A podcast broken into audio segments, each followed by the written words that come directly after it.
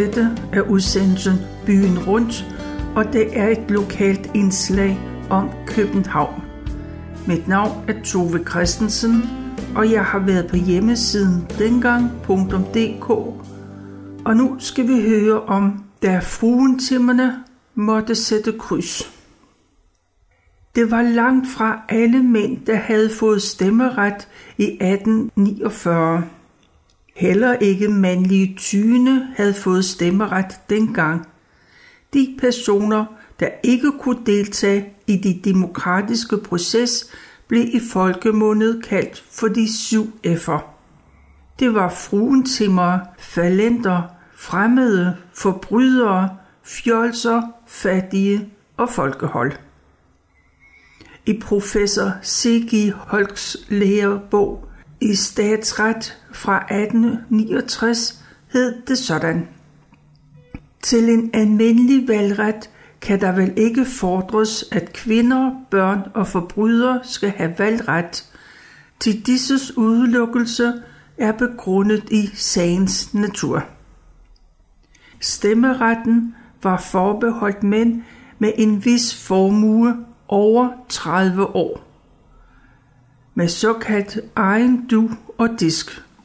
Man skulle have egen husholdning, være myndig og have fast bolig i mindst et år i det område, hvor man ville stemme. Og frem til 1915 var det faktisk kun 15 procent af befolkningen, der kunne stemme til Folketinget. Det blev i 1915 nedsat til 25 år, samtidig med at kvinderne fik valgret og blev valgbare til rigsretten. Men modtagere af fattighjælp havde stadig ikke stemmeret. Det fik de først i 1961. Kvinderne havde fået stemmeret i menighedsrådet i 1903 og til de kommunale råd i 8. I Danmark begyndte kampen for kvindernes rettigheder for alvor i 1850, da den kun 20-årige Mathilde Fibiger udsendte sin debutroman Clara Raffel 12 breve. Det handler om kvinders rettigheder og ligeberettigelse. Den udkom med et forord af selveste Johan Ludwig Heiberg. Alene dette burde betyde, at bogen blev succes, men det gjorde den ikke. Selv den fremsynede M.A. Goldsmith var negativ. Men Mathilde Fibiger blev ikke slået ud. Hun kæmpede videre og blev bestyrer for telegrafstationen i Nysted i 1869 da kvinderne begyndte at organisere sig i 1870, var det ikke stemmeretten, der stod forrest. Det var krav om en række uddannelser. De forlangte, at ugifte kvinder fik ret til at arbejde og ikke kun som tjenestepiger. De rejste også krav om at blive anerkendt som juridisk myndig og ved ægteskab ikke blev underlagt manden.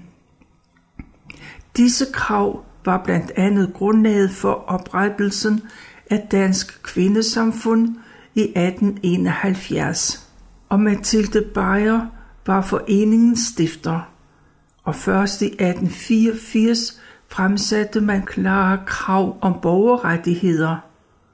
Et mindretal med blandt andet Mathilde Bayer var utilfreds med den forsigtige linje og dannede i 1886 Kvindeligt Fremskridtsforening. I 1871 blev Marie Christensen født i Krejme på Sjælland. Hun kom til at betyde meget for tjenestepigerne. Som sine søskende blev hun sendt ud for at arbejde efter konfirmationen. Selvom hun skiftede plads, oplevede hun igen og igen, at husmoren var ondskabsfuld. Hun stillede urimelige krav og kunne ikke selv finde ud af at holde hus på en fornuftig måde. I 1872 fik Venstre flertal i Folketinget, og de kæmpede faktisk for kvindernes valgret. Men landstinget havde vetoret, og der havde højre flertal i kraft af velhavernes privilegerede valgret. Og landstinget tilbageviste forslaget gang på gang.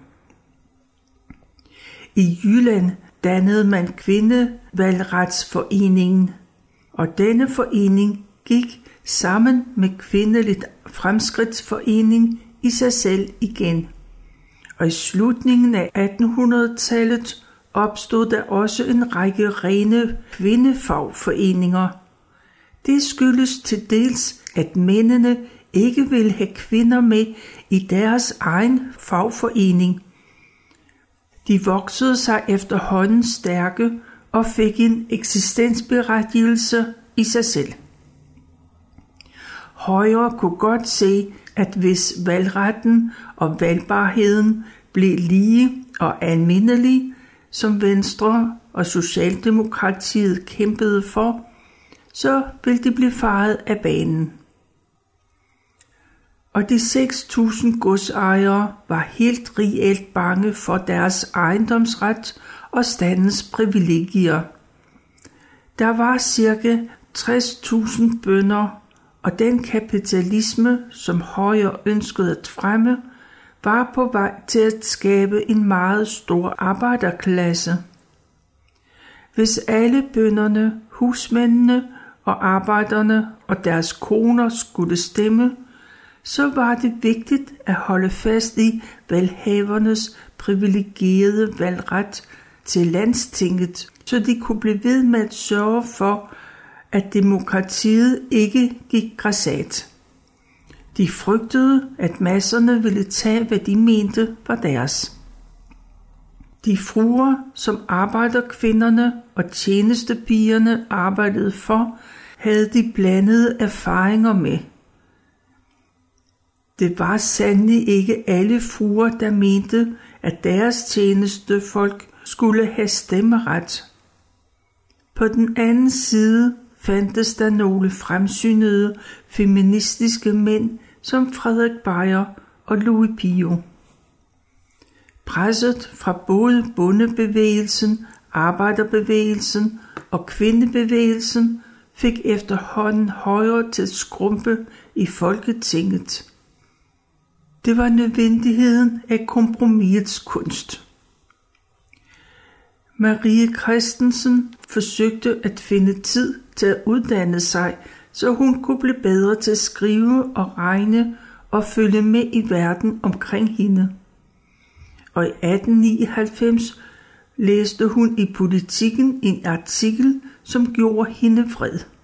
Der stod, at optællingerne viste, at den højeste antal prostituerede de skulle findes blandt københavnske tjenestepiger.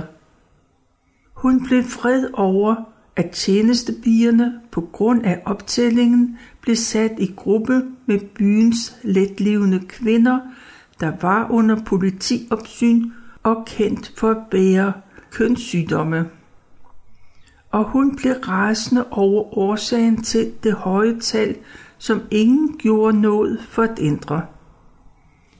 Hun kendte selv alt for godt til de dårlige arbejdsforhold og de uendelige arbejdsdage, der gjorde, at pigerne i stedet søgte det tvivlsomme erhverv som prostitueret. Tjenestepigerne havde ikke ret til fridage eller feriedage. Der var ingen krav om, at den mad, de fik serveret, var spiselig, eller at de værelser, de fik, var isolerede og i rimelig stand. Der var ingen lovgivning, der beskyttede tjenestepigerne eller tynet, som det blev kaldt. Der var godt nok tyneloven fra 1854 som beskyttelseslov, men tynet var fuldstændig underlagt den mand, de var ansat hos. De skulle stå til rådighed døgnet rundt. Oven i det havde husbunden revelsesret ikke bare over for egne børn, men også over for de ansatte. De måtte straffes fysisk. Loven krævede også, at tjenestefolk havde et skudsmålsbog. Den bog indeholdt oplysninger om fødsel, forældre og skolegang. Men det, der var vigtigst, var, hvordan den unge kvinde eller mand havde arbejdet og opført sig. Husbunden skrev en anbefaling i bogen, og denne kunne afgøre tjenestefolkens videre skæbne, når de søgte væk fra pladsen. Og denne skudsmålsbo var lovpligtig. Forsvandt den, så kunne tjenestepigen eller kalen straffes med fængsel.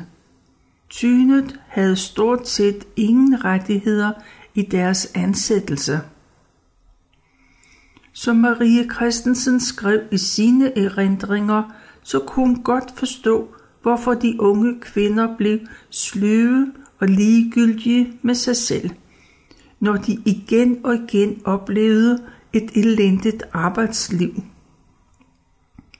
Alene i København var der over 14.000 tjenestepiger, og af dem var over 96 procent ugifte kvinder.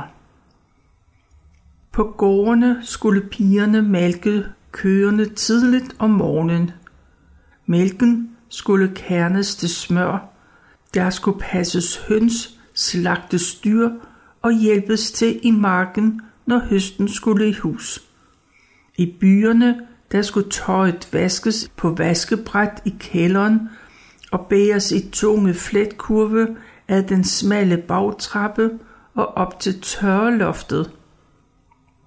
Den 15. november 1899 der holdt Marie Christensen den første møde for tjenestebier.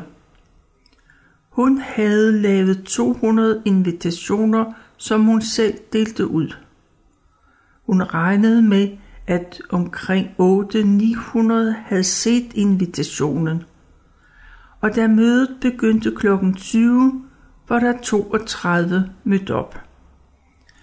Marie Christensen holdt sin tale, som beskrev tjenestebiernes arbejde fra klokken 6 om morgenen til klokken 23 om aftenen. Marie vil have et bedre liv, end hendes forældre havde. I nogle år forlod hun arbejdet som tjenestepige for at drive en skole for piger. Samtidig modtog hun selv ekstra undervisning i regning og skrivning. Så fulgte hun, hvad hun kunne af foredrag. Hun flyttede til København og genoptog den gamle arbejde. Snart var Københavns tjenestepigeforening en realitet. Marie fik en forbløffende evne til at skrive indlæg, som skabte debat og given interview. Hun fodrede pressen med nye historier. Systemskiftet i 1901 betød, at Danmark for første gang i landets historie fik en regering, som afspejlede Folketingets sammensætning. Og ved grundlovsfesten i 1912 talte Gyrite Lemke på Skamlingsbanken om, at kvinder og mænd skulle være på lige fod. Hun mente, at det var et indlysende krav, at kvinderne blev anerkendt som politiske borgere. Og ved 1. majfesten i Stubbekøbing i 1915 sagde formanden for tjenestepigerne Marie Christensen. Hvorledes skal vi kunne holde majfest i år, uden at fejre grundloven? Jeg synes lige frem, at det er frihed i luften. Jeg ånder lettere, og jeg tror, at alle kvinder, der kan tænke, gør det samme. Tænk, at skillet imellem mænd og kvinder er fjernet.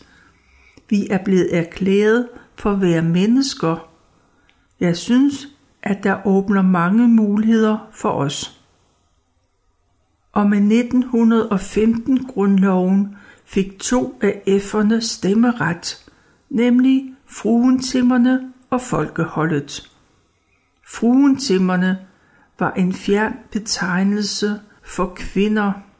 Folkehold var betegnelsen for personer ansat i privat tjenesteforhold uden egen husstand.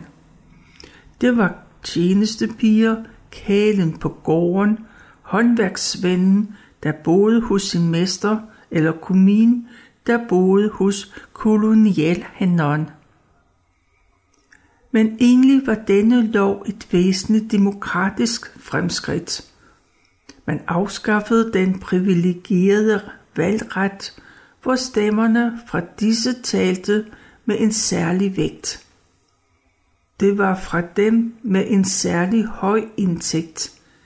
En enkelt godsejers stemme kunne tælle lige så meget som en enkelt sovns stemmer. Samtidig afskaffede den ordning, at kongen udpegede 12 af landstingets 66 medlemmer. Ordningen havde sammen med de privilegerede valgret lagt grunden for den forfatningskamp, der havde udspillet sig, hvor den første parlamentariske regering blev udnævnt. På et møde den 20. maj 1915 blev det besluttet, at kvinderne skulle være på Amalienborg Slotsplads, når kongen underskrev den nye grundlov, hvor de fik stemmeret sammen med tjenestefolk. Et udvalg blev nedsat. Et kvindetog skulle gå gennem byen til Amalienborg, og de skulle bare være mange, der gik med i på turen, så der var stor travlhed for at nå målet og den 5. juni var der strålende solskensvær, ikke mindre end 12.000 mødte op på stedet, hvorfra kvindetoget skulle foregå. Stemningen var høj, alle bar et lille rødt-hvidt emblem. Politiet, der ellers plejede at sørge for ro og orden, var naturligvis ret så skeptiske – de troede ikke, at kvinderne kunne klare det selv. Blandt de forreste, der var Mathilde Beyer. Langs hele ruten hang folk ud af vinduerne for at se det store optog. Der er sikkert ikke mange, der ved det, men der blev afholdt to optog den 5. juni 1915. Det understreger datidens klassemodsætninger. Dem, der gik mod Amalienborg, var blandt andet Danske Kvindesamfund og diverse kvindeforeninger og enkelte kvindelige fagforeninger, som ikke var en del af den socialdemokratiske bevægelse, nemlig lærerinder, sygeplejersker og telefonistinder. Borgerskabets kvinder gik ikke med, fordi de var vrede over, at den privilegerede ret til landsretten var ophævet, så optoget bestod i høj grad af middelklassen. De socialdemokratiske arbejderkvinder gik i et endnu større optog. 25-30.000 personer og 400 faner gik igennem byen, kvinder og mænd sammen. De mødtes tidligt om morgenen på Højbroplads, på Halmtorvet, på Borups Allé og Gyldensløbsgade.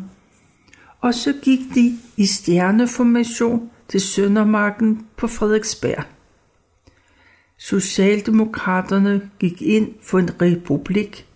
Derfor ville de ikke gå til kongen. Desuden var deres kamp bredere end kvindernes, stemmeret.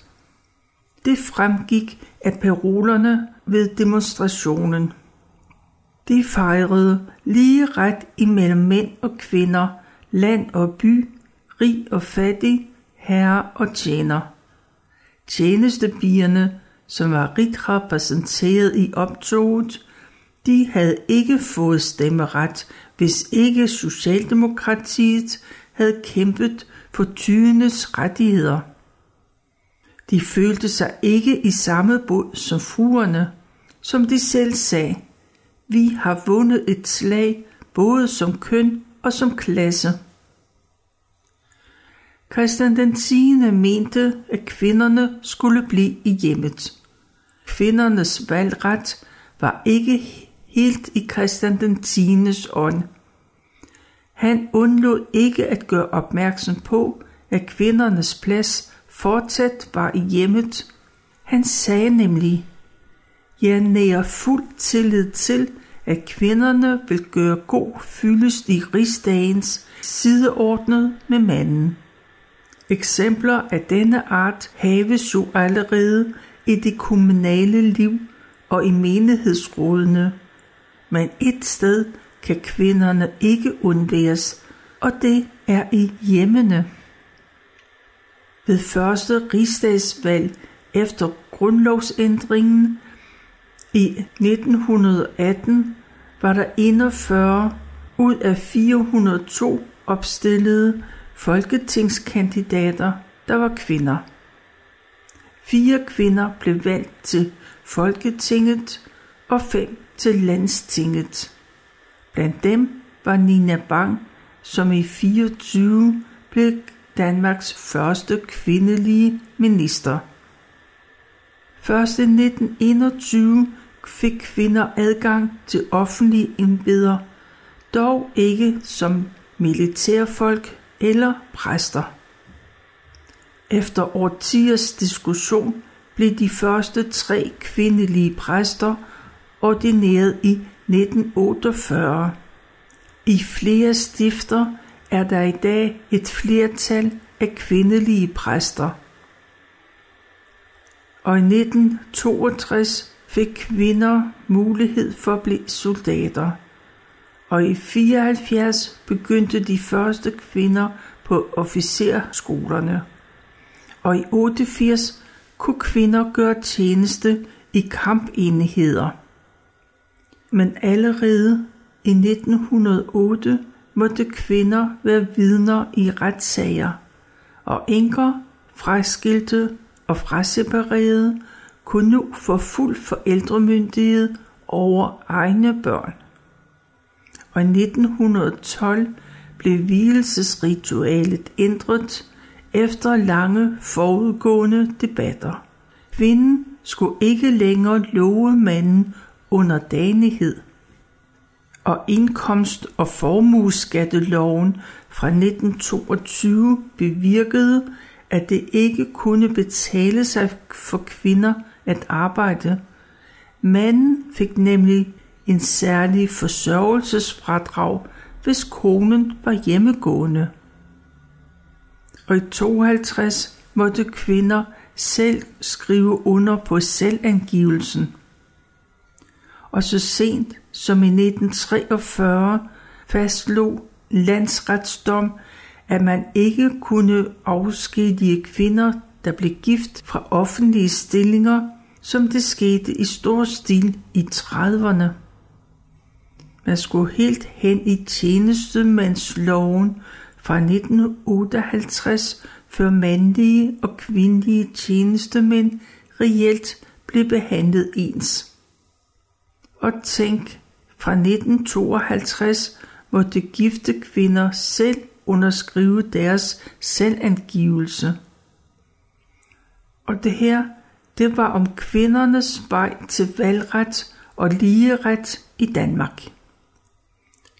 Vi har lidt tid endnu, så vi skal høre lidt om, hvordan livet på den tid var for mange i København. Omkring århundredeskiftet gik stort set alle på værtshus. Mange arbejdere drak hele deres løn op. På et tidspunkt indrettede fabrikker selv værtshuse og udbetalte lønnen der. Det var en god forretning for fabriksejerne, men ikke for arbejderfamilierne.